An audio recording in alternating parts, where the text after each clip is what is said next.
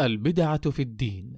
حديثنا اليوم عن ذنب يفعله بعض المسلمين ويحسبون أنهم يحسنون صنعا. ألا وهو الابتداع في الدين. والبدعة في الدين هي التعبد لله تعالى بما ليس له أصل في الشريعة أو التعبد لله تعالى بما لم يكن عليه النبي صلى الله عليه وسلم ولا خلفاؤه الراشدون رضي الله عنهم.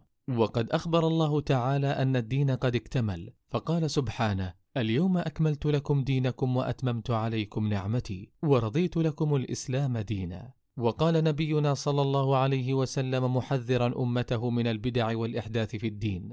من أحدث في أمرنا هذا ما ليس فيه فهو رد. متفق عليه. ومعنى فهو رد أي مردود غير مقبول. وقال صلى الله عليه وسلم أوصيكم بتقوى الله والسمع والطاعة وإن عبدا حبشيا فإنه من يعش منكم بعدي فسيرى اختلافا كثيرا. فعليكم بسنتي وسنة الخلفاء المهديين الراشدين تمسكوا بها وعضوا عليها بالنواجذ وإياكم محدثات الأمور فإن كل محدثة بدعة وكل بدعة ضلالة. رواه أبو داود وصححه الألباني. والبدع أنواع فمنها بدع اعتقادية كإنكار أسماء الله تعالى وصفاته أو اعتقاد عصمة أحد من البشر غير الأنبياء والرسل عليهم السلام أو اعتقاد النفع والضر والبركة في شيء من الأشياء لم يجعله الله كذلك. وغير ذلك من الاعتقادات التي ليس لها أصل في الشرع. ومن أنواع البدع البدع العملية وهي أنواع منها إحداث عبادة ليس لها أصل في الشرع كأن يحدث صلاة غير مشروعة أو صياما غير مشروع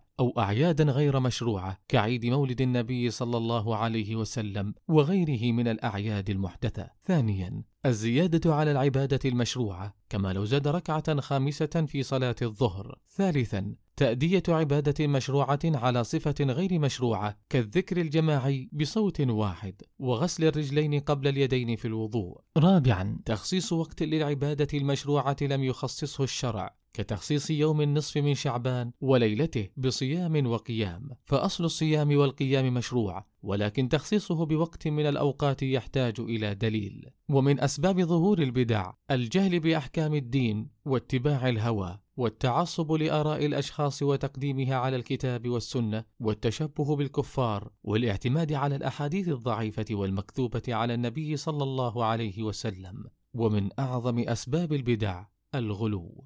نسأل الله أن يجعلنا ممن يتبع سنة النبي صلى الله عليه وسلم وأن يجنبنا البدع والمحدثات. نكتفي بهذا القدر ونتحدث في اللقاء القادم بمشيئة الله. عن الركن الثاني من أركان الإسلام وعمود الإسلام وهو الصلاة.